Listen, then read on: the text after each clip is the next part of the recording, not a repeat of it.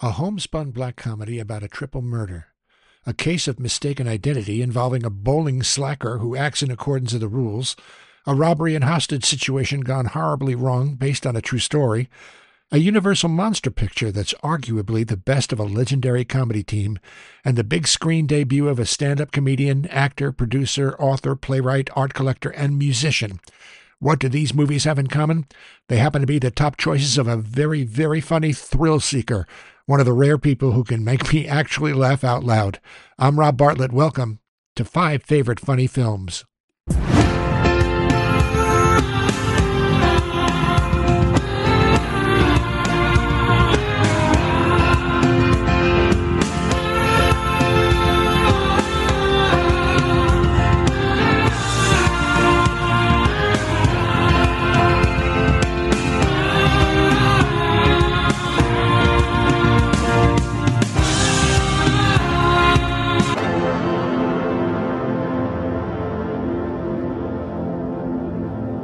Welcome to 4F, boys and girls. I'm your host, Rob Bartlett. My guest this episode is an achingly funny, very unique stand up comedian.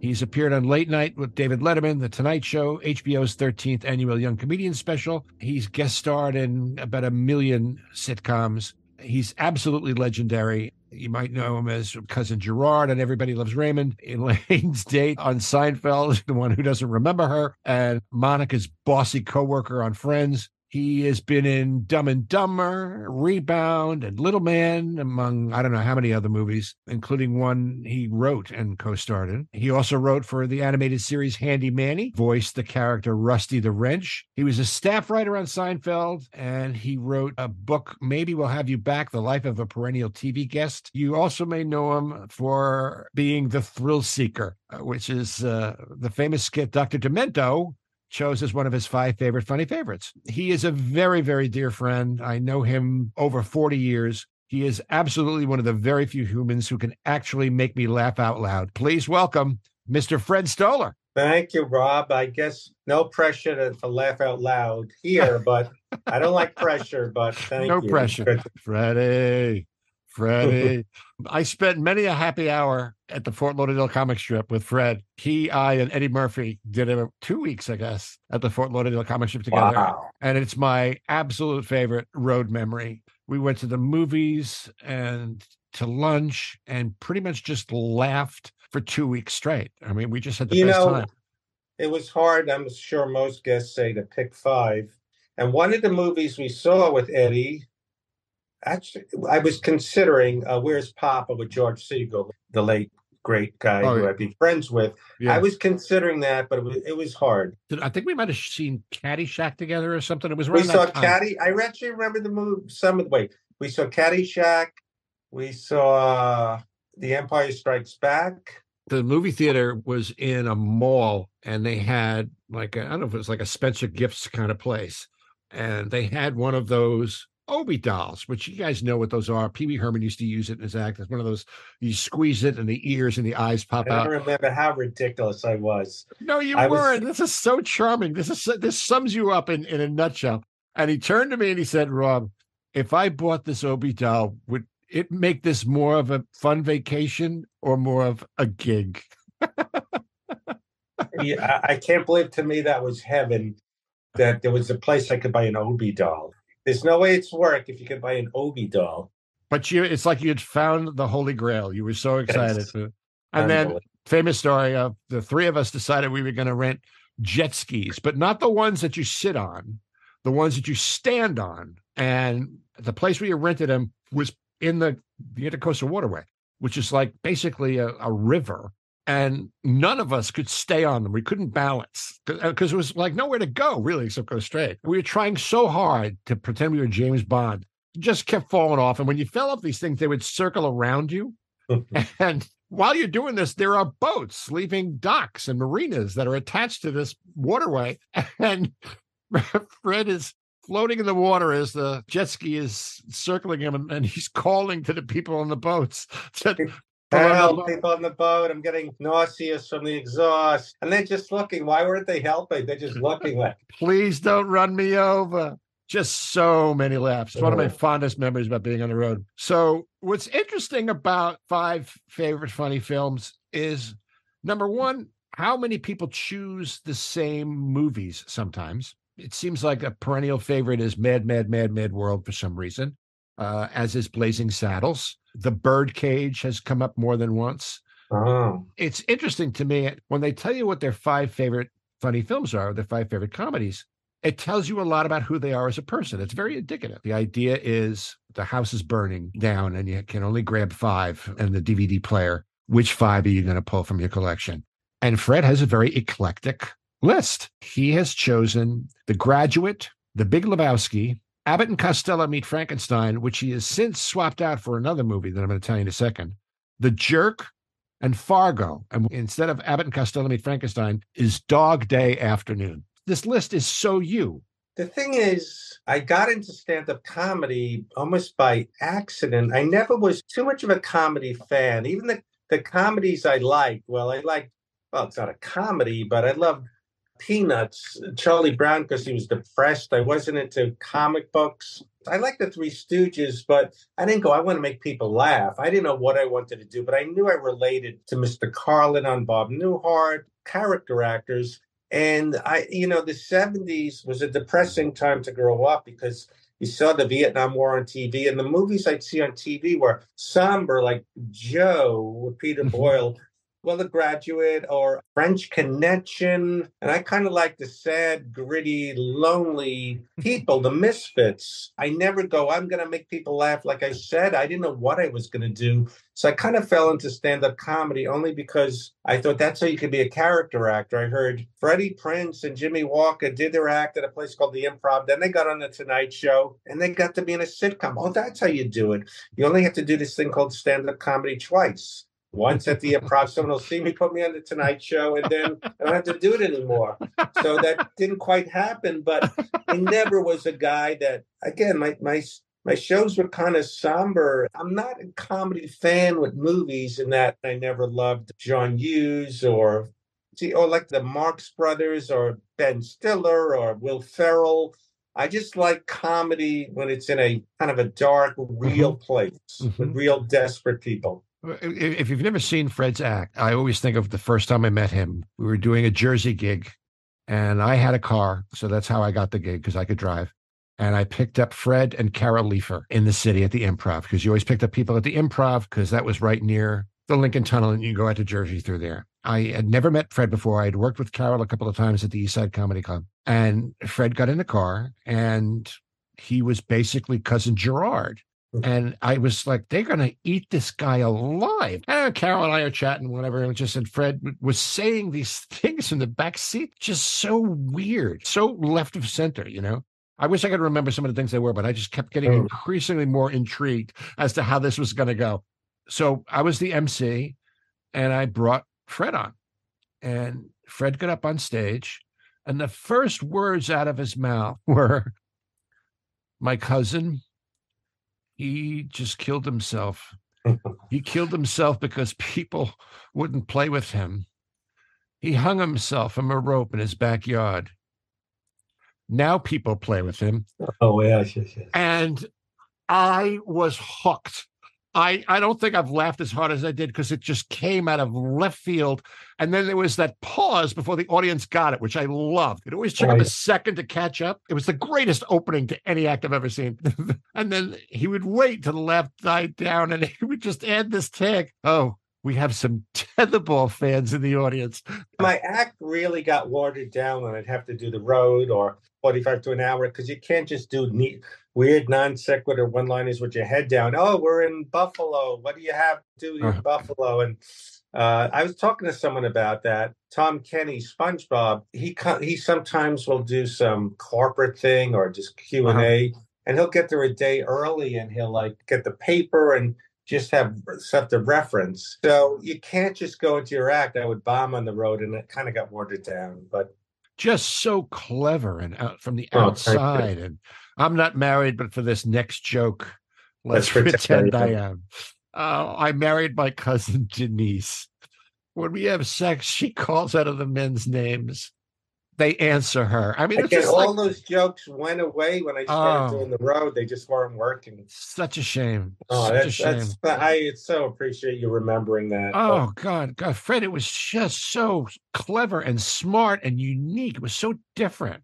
And you know, I watch the comedians now. I feel like such an old fart when I say this. These kids today, they don't know what to be funny is like.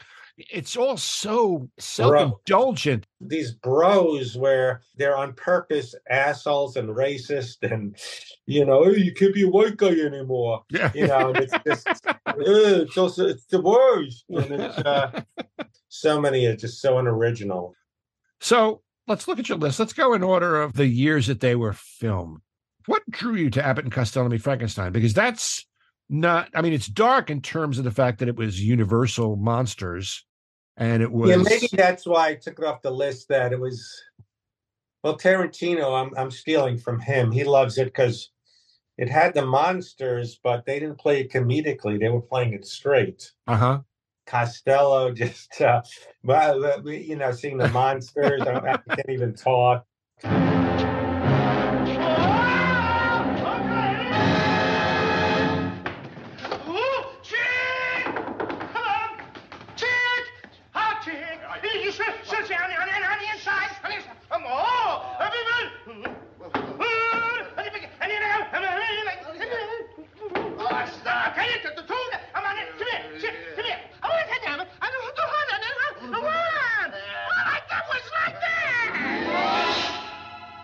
And of course, the monsters are never there when Abbott says, What are you talking about? They're not there."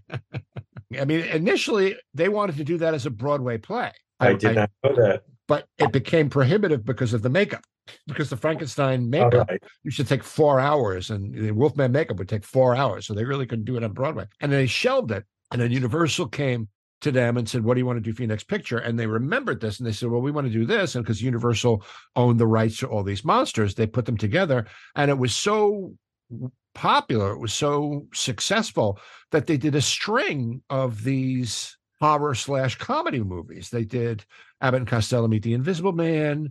They did Abbott and Costello Meet Boris Karloff, the killer. Abbott and Costello Meet the Mummy. It became almost like this series where they played against these Universal monsters. And I like that it had emotion where it felt bad for the werewolf, you know, because he, he didn't want to kill people. And I like that it had some real stuff in it. Every pick on your list has very strong characters, and and they're Yeah. kind of conflicted. You know, even Costello. I read where Costello hired a friend of his, Bobby Barber. I think he was a comedian as well. He hired him to be an on-set tumbler, almost like from the Catskills. And his job was just Get to make people laugh during the filming so that everyone would have a good time making the movie and there's you could find clips on YouTube of like Dracula descending the stairs and this guy Barber behind him imitating him uh, just to make everybody laugh. I want to see that. So that's on Yeah. YouTube. They did a documentary. It's a short documentary about the making of Abbott and Costello Meet Frankenstein. Oh, I can't Um, wait. it also has Glenn Strange as Frankenstein cracking up with Costello sitting on him, and he just couldn't keep a straight face. The scene took several takes to get right, with Costello trying out different gags each time they started shooting. Glenn Strange, as the monster, had a hard time keeping a straight face through the shot, with several takes ruined by him laughing out loud. In the final version that made it into the movie, you can still see the monster crack a little bit of a smile as he gets up to try and grab Costello. So, The Graduate. When was the first time you saw The Graduate? When I was a teenager, I would watch. I guess it wasn't like now where you know kids, your you know your kids, I'm sure could just go and turn a classic or get DVDs. It was just whatever was on TV. So I remember falling in love with The Graduate, Midnight Cowboy, movie Joe, edited with commercials. Oh. I still love them. I, I wasn't sophisticated enough to get it. He was just a desperate character. And there was a scene with Richard Dreyfuss with Norman Fell, like the landlord, I want you out of here. or the thing where he loses the girl because she's like a preppy or a yuppie, whatever it was called then. You know, just little things that aren't joke broad jokes, but I loved his desperate with the music.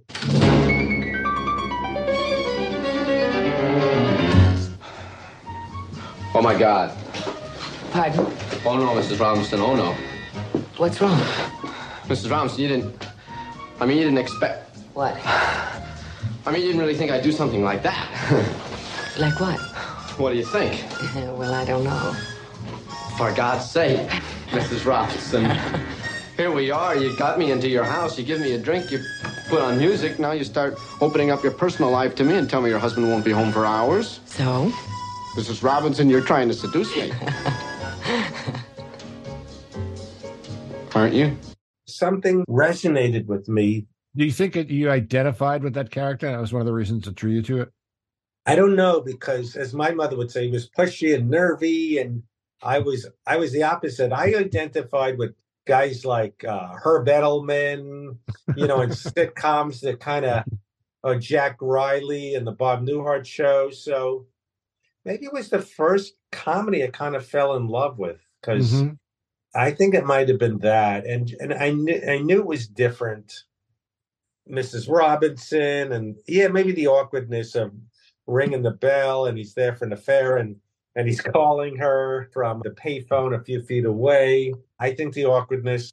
She, he rings the bell, and he doesn't want to make a scene, and Mhm. that he was a nerd well to all his family and uh, Elaine's family, and ju- just you know, I never saw anything like that. He was an outsider in many ways.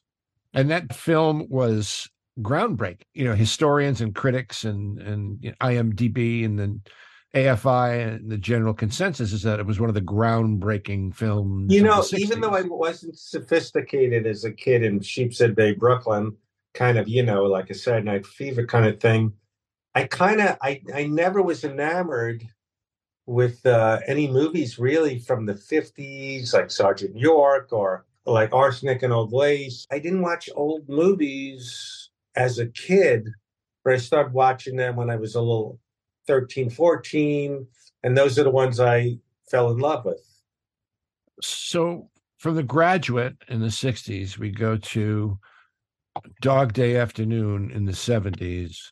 What is it about that movie that would make you consider it one of your favorite funny films? Well, to me, I saw that in packed movie theaters, as I did, but it's not on the list. Cuckoo's Nest. Mm-hmm. And that was one of those movies where you felt the energy of the audience, especially Mhm. that it took place where we were watching it. Mm-hmm. So to me, comedy I like in desperate characters, even in Breaking Bad.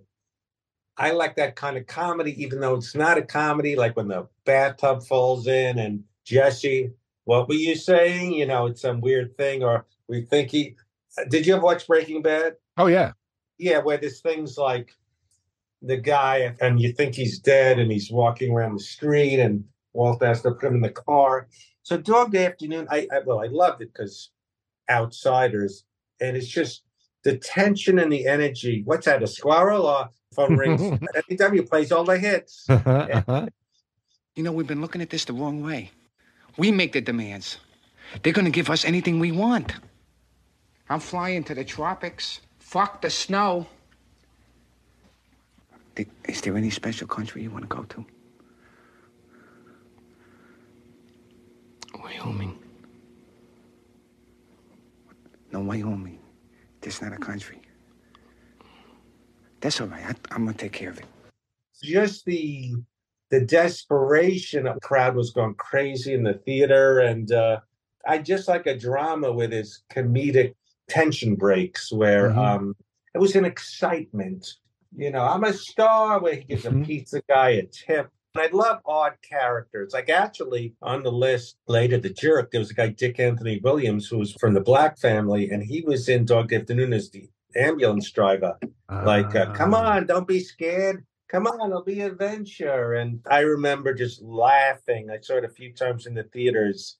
He's talking to the news Uh-huh. and they say is that me? You know, remember that? I love the guy in dog day afternoon who chickens out in the beginning because Uh-huh. originally three robbers and he goes i'm getting bad vibes.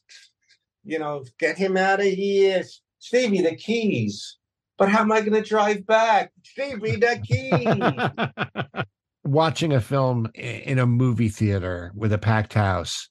That, that's an experience that you can never replicate at home. No matter how big your screen is, no matter how many people you're watching in your living room with, there's something like like you were saying before, the energy of being in a packed house and you're all having this experience together. The the last time, one of the only times I can think of in the past 10 years where that ever happened was when I went to see the Avengers movie Endgame. It was a packed house, and the experience of seeing that with a whole group of people who Oh, were fans, there was, like you say, the energy of it. That being said, I saw in a packed house hang the hangover and everyone's laughing. And I said, I get why they're liking it, but it did not resonate with me because I'm older, but I never had a bunch of hey bros, hey, we're gonna Ugh. get strippers and go to Vegas. Uh-huh. None of the characters I cared about. I mean, that's a problem I have. I have to care about the characters like, you know, Pacino and Dog Day. He was sympathetic. But those are just, "Oh, oh, bros, oh, we're doing Molly or whatever. But then again, you, you could say also that um, I've had it where you see a cast and crew screening uh-huh. and everyone is part of the movie and everyone is really amped up and they laugh more than uh you know a normal crowd of people doing it everyone's supportive It's because everybody's invested in it yes exactly in a different way. yeah but this- everyone's supportive yes But that live experience, there's something to be said for that. Another dear friend of mine, Mike Breen, sportscaster, and a very funny man in his own right, said the very same thing about something about Mary. It was hugely popular, but he just never got it. He never understood why it was that popular, why so many people were laughing at it. And I think comedy is very subjective that way. There are very few comedies that I think go across yeah, the maybe that's why i like drama because i'm Uh-huh. really invested in the characters it's a story and the the tension yes many of the people I've interviewed for this podcast have chosen It's a Mad, Mad, Mad, Mad World, which kind of surprised me. You know why I think that is? I was thinking about it because some of these movies were seminal movies. I think it was just fun because you had every comedian of the time in it. But the thing is, it was directed by Stanley Kramer, who did stuff mm-hmm. about Nuremberg, depressing mm-hmm. real things. So he wasn't a comedy director. But a lot of people, I'm guessing, may have liked it. For some reason, I liked it. It was part of our childhood. A very madcap. It was an epic, two and a half hours long. Yeah.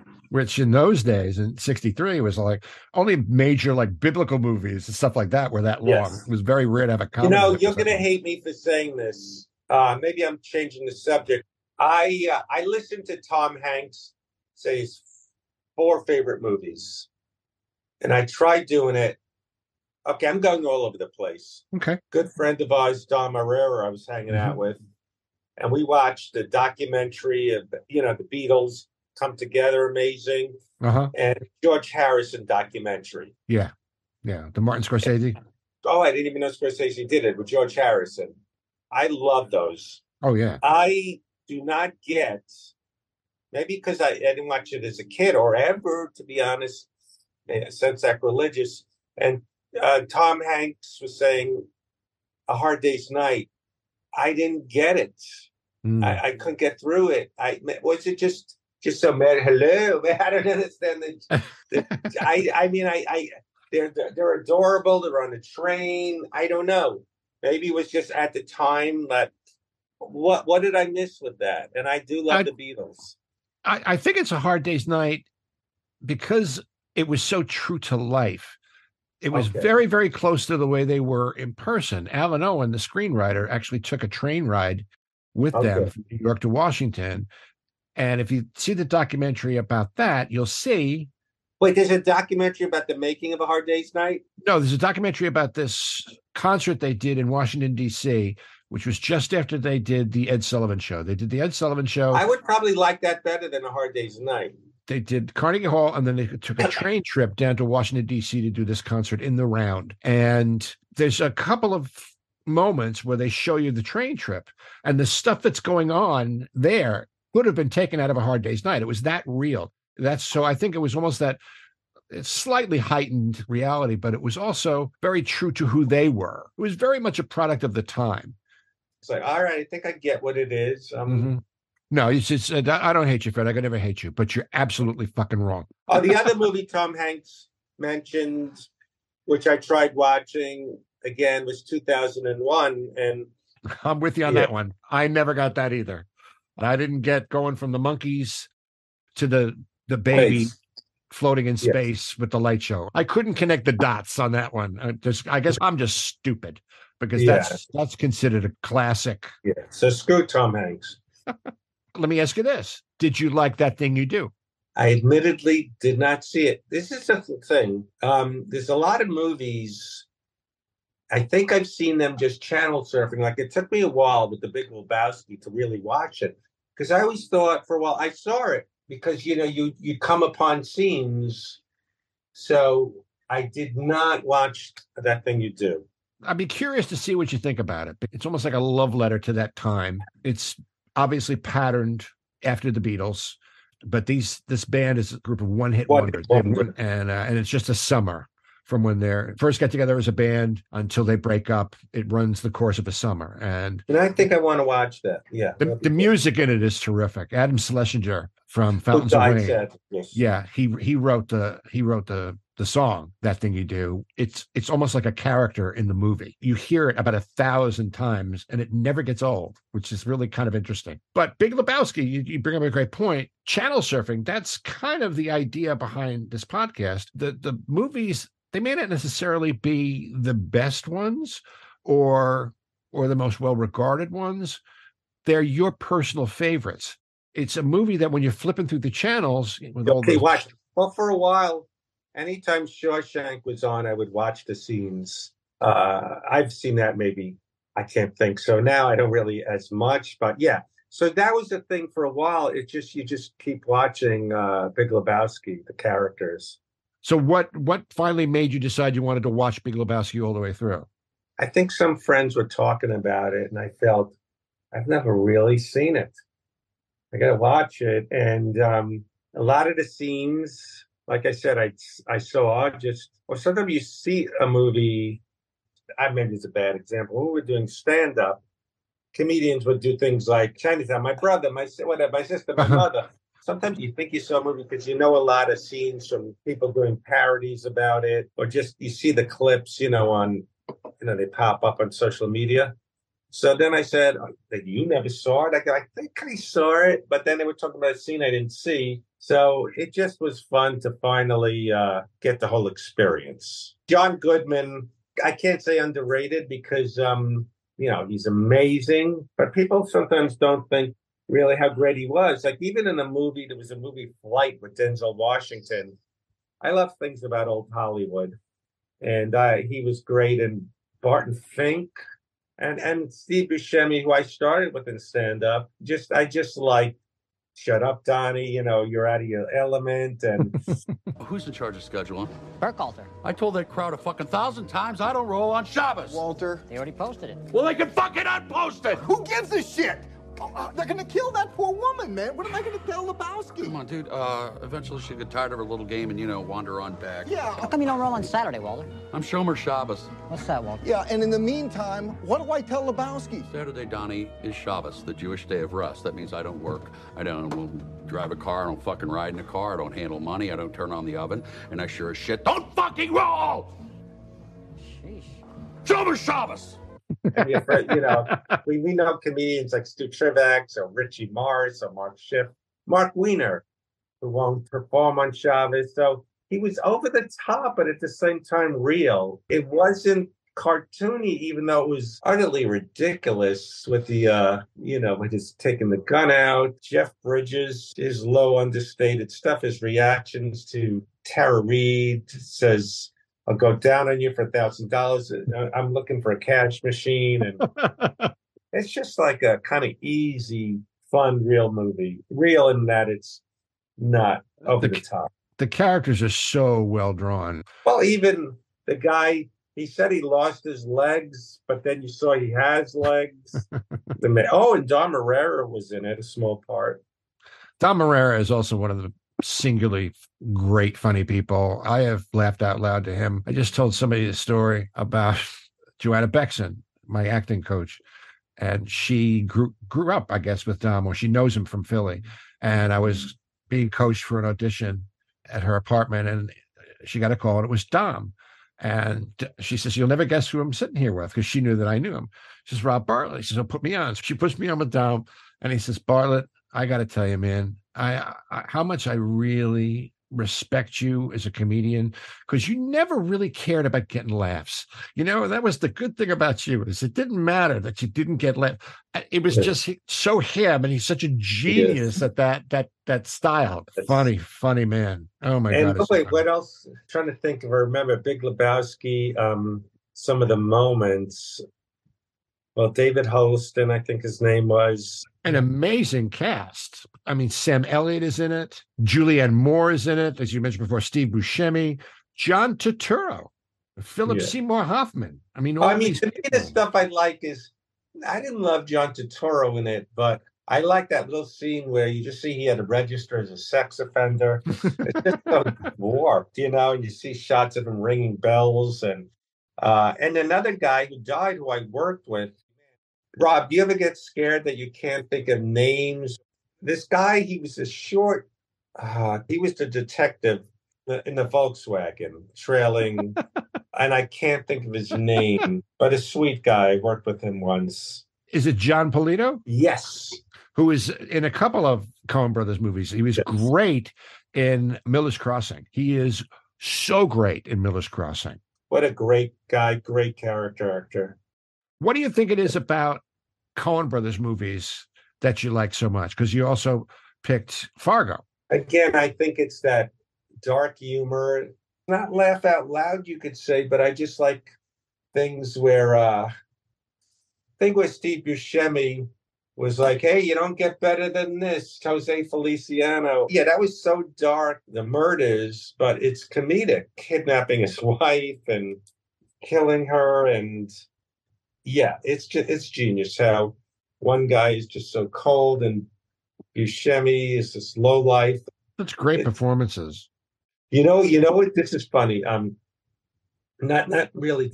Well, not because of the movie's funny, but there there there there is the Fairfax movie theater, which closed. It was in L.A. forever. Fairfax on Beverly Boulevard, and this senior citizen places there, and they used to have like three dollar movies where they bring back these movies like a year after they're out. You see it for three dollars. So I went to see Fargo, probably for my fifth time, and they have some scene where these people, I think in a parking lot, were all killed, and and you hear them pisking.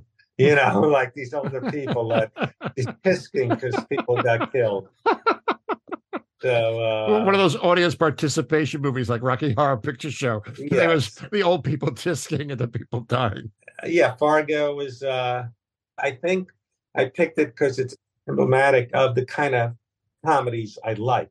Another one I could have picked, but Steve Buscemi was in a movie called uh, Ghost World, where it was just so sad. He was this loser guy that these women taunted, Oh, but then they ended up befriending him. Right. So i again, that's the kind of flavor I'd like. Maybe I picked it because of that. Wasn't that a movie based on a A graphic novel. a graphic novel? Right. Ghost World is also notable because it was, I think, one of Scarlett Johansson's first movies. That's yeah, that's right. Yes.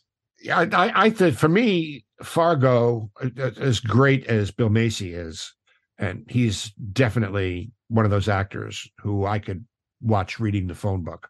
I just Yeah. think he's great in whatever he decides to do. He's really great in Boogie Nights, you know, and it's an entirely different character that Right. he plays in Fargo. But Frances McDormand, obviously, she went on to win the Academy Award. Her performance tickles me because it's such a small person, such a small character, but it's in those little nuances, those subtle things. Her got a barf, you know, and the, and the you know the Minnesota accents, all of that. When she's interviewing those two girls, and uh, Yes. uh, did you notice anything about them? And you know all that stuff. So where are you girls from? Chaska, LeSueur, but I went to high school in White Bear Lake. You know, go Bears. Okay. I want you to tell me what these fellas look like. Well, the little guy, he was kind of funny looking. In what way? I don't know, just funny looking. Can you be any more specific? I couldn't really say. He wasn't circumcised. Was he funny looking apart from that? Yeah. So, you were having sex with a little fella then? Uh huh. Is there anything else you can tell me about him? No. Like I say, he was funny looking. More than most people, even. What about the other fella? He was a little older. You know, he looked like the Marlboro man. Oh, yeah? Yeah. But maybe I'm saying that, you know, because he smoked a lot of Marlboros. Uh huh. You know, like a subconscious type of thing. Oh, yeah, that can happen. Yeah. Hey, they said they were going to the Twin Cities. Oh, yeah? Yeah. Yeah, is that useful to you? Oh, you betcha, yeah. Yeah. When you see a performance like that, you get that sense of you're in good hands and you and you follow them. And like you were saying before, you like them. You you want you root for them. You want them to do well. I'm I'm gonna revisit that soon. The, the movie. It's again subjective. My five favorites, but I like picking ones that are indicative of my sensibility. Well, that's the whole point. That's why that's why I thought this was a good idea for a podcast. I was actually surprised that nobody chose one of your really genuinely outright comedy Com- movies, The Jerk. Yeah, you know something? I might not have, but I hung out with Dom. His girlfriend went away, and I hung out with him for five days. And he put he he he just would put things on. So I, I revisited that. He put on Meatballs, which I don't like Bill Murray. I know you're going to get a lot of Bill Murray. I, that smug. I don't like smug. Never loved it. Oh, I'm the charming one, or you're going to go get Ghostbusters we and we watched all those uh, music documentaries. You know, I was wrestling with Woody Allen. Which one? Maybe Annie Hall, but me and Dom watched uh, Broadway Danny Rose, which I didn't realize when we watched it that it seems simple. Dom brought up that he wasn't playing the usual Woody Allen character so much, and that movie. I, I liked it because it wasn't the elitist Woody Allen talking about French philosophy, and then he lost me. Dom put on the jerk, and I kind of forgot about it, but that breaks the mold of my other picks because it's Joke Fest. It did have so many great bits and joke. And I think as a kid, I loved Jerry Lewis, which again, I didn't pick any of those, but it was similar to the Jerry Lewis sensibility. Such a moron, not to sound corny, the heart, where it takes you on a path where rags to riches to rags and and I, I remember him watching it going, Oh, this is good. Steve Martin's character is making it big. He can help out the black family. And Fred, it's a it's so unreal and fake. I'm, I'm happy that the black people who are, who are poor will get some money. But you know what I'm saying? Even though it was utterly ridiculous, rooting for for his love with Bernadette Peters, rewatching it made me go, man, I forgot how great that movie was. You know, what I like about it is that it has Steve Martin's stamp all the way through. it. Exactly. It starts with I was born a poor black child. And that is exactly a line. It may have actually come out of his stand up act.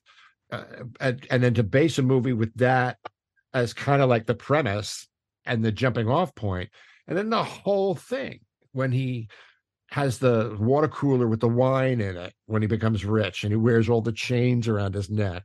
Would Monsieur care for another bottle of the Chateau Latour? Ah, yes, but no more 1966. Let's splurge. Bring us some fresh wine, the freshest you've got. This year's. No more of this old stuff. Oui, monsieur. He doesn't realize he's dealing with sophisticated people here. Waiter! There are snails on her plate. You would think at a fancy restaurant like this, at these prices, you would be able to keep the snails off the food. Now take them away and bring me those melted cheese sandwich appetizers you talked me out of. Oui, monsieur. You believe this? First they didn't have the bamboo umbrellas for the wine, and now snails on the food. all that stuff. It was so him getting excited when he sees his name in the phone book. All the stuff he does with Jackie Mason, which was great. Yes, and Mhm. William, uh, the other Bill Macy, who I worked with, I'm not. When I say I worked with them, I'm not name dropping. I to me, in the little sitcoms I've done, the most exciting part was working with people who were on the sitcoms I grew up Yeah. watching. The guy I worked with the guy from Maude. Bill um, Macy. Yeah. Yeah, or just people I've worked with uh, from who are in Mary Tyler Moore or the Bob Newhart show, like Jack Riley, or uh, working with Georgia Engel. You know, thinking I was a depressed kid in Sheepshead Bay, that I was on the same set with Sherman Hemsley on Amen is always the thrill. So I'm I'm more excited when I would meet like the paramedic from Dog Day Afternoon than if I met George Clooney. Just you know, I, I see, the thing is making it about me now. Like uh, you know, I did many years ago, like like some show Drake and Josh one episode. It's not network money; it's Nickelodeon.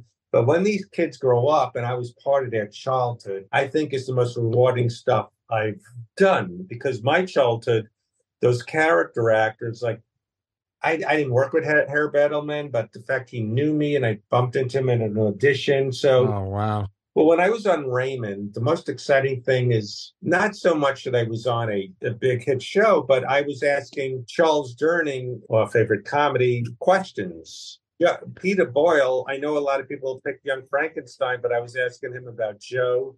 I remember I was on Friends, and it was a thrill, and he was not a bad guy, but Ron Leibman, he was in the same episode because he was in Where's Poppa. Another movie that could have gone on the list was uh, The Hot Rock. Oh right. Robert Segal. Redford. Yeah. So to me, I went on this tangent of. I remember I did a Sabrina the Teenage Witch, and Martin Mull was on the show, and I asked him the stupid. It's almost like the Obi question. I go, "Could I say I work with you, even though we weren't on the same scene, but we're in the same episode?" and he goes, "Hey, it's the same check."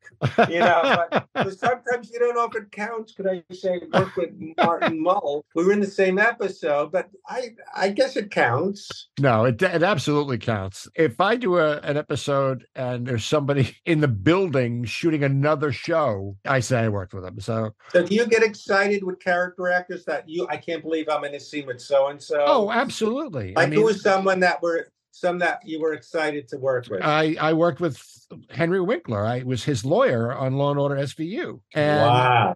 that was just an incredible experience for me. And then could not be a lovelier, warmer, more welcoming, I, I classy worked guy. with him again. I don't know if I could consider this. I worked with him. Yeah, I I worked with him. What am I saying? I was on a show called Handy Manny, kids preschool show, and I actually wrote an episode. He was in, and he was yeah. I worked with him because we're in an ensemble, and he I don't know if this happened, but he has dyslexia, so he couldn't read off the script, so he had to go over the lines ah. outside over and over. Oh wow. I didn't I didn't even know that when I worked with him. The late great Fred Willard was a thrill. Oh, I actually got to meet him.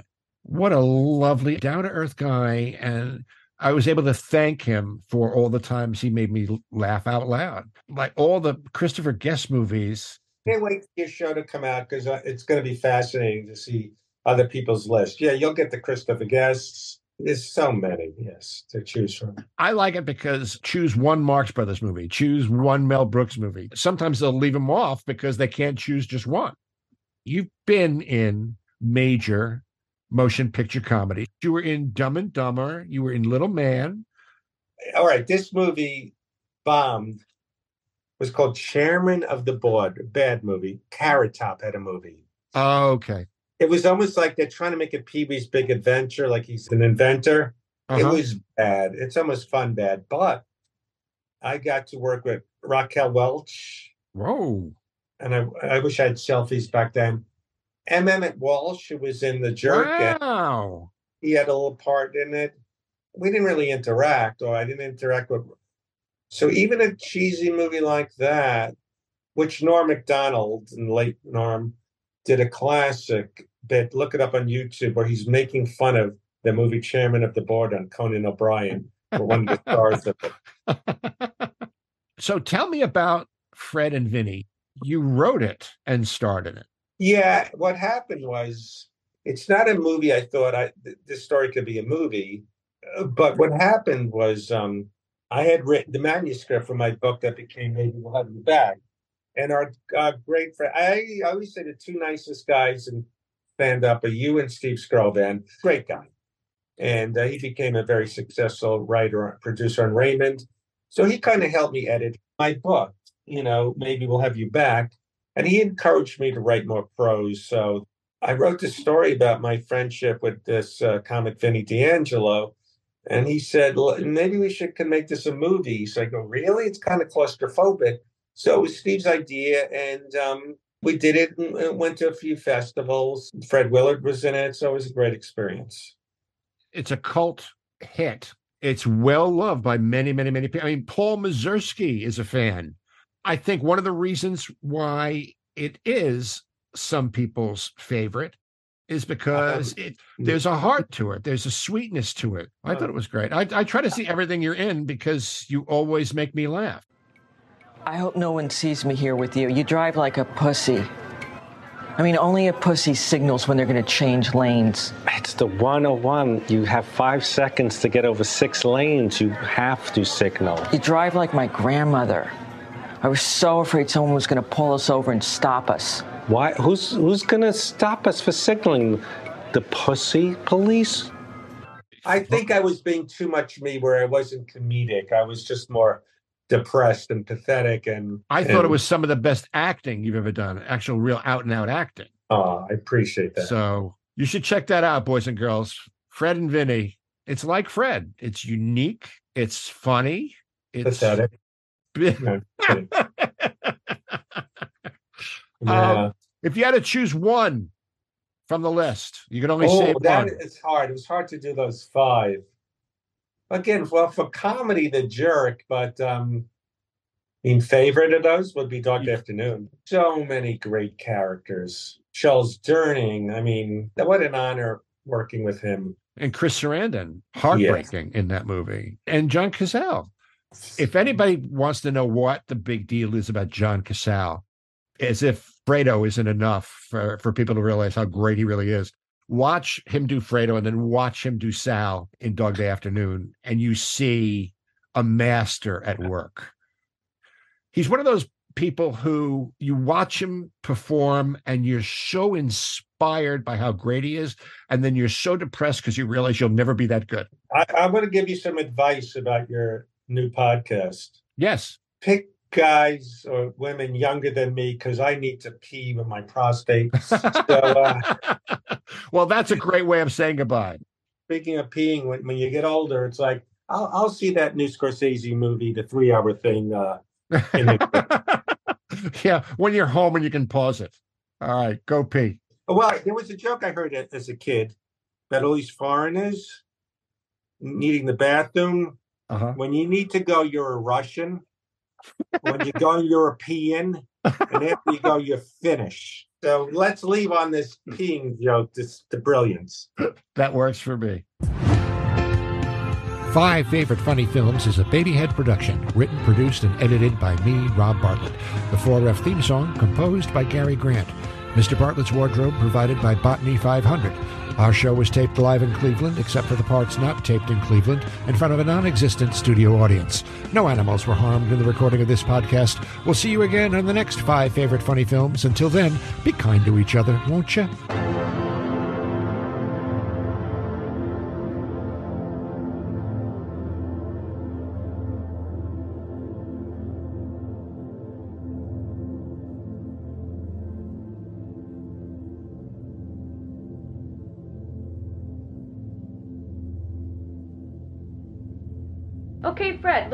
Camera, say hello, tell your video date a little bit about yourself. Hi, I live on the edge. Seeker is his name. Nothing matters to me. I am nuts. Uh, you know what I did today? I drank milk that expired yesterday. I don't care. Life's too short. I live for today. Okay, I was on an escalator. I let go of the handrail. Then I put both arms up in the air. Yee! for fortune or fame. Risking his life is only a game.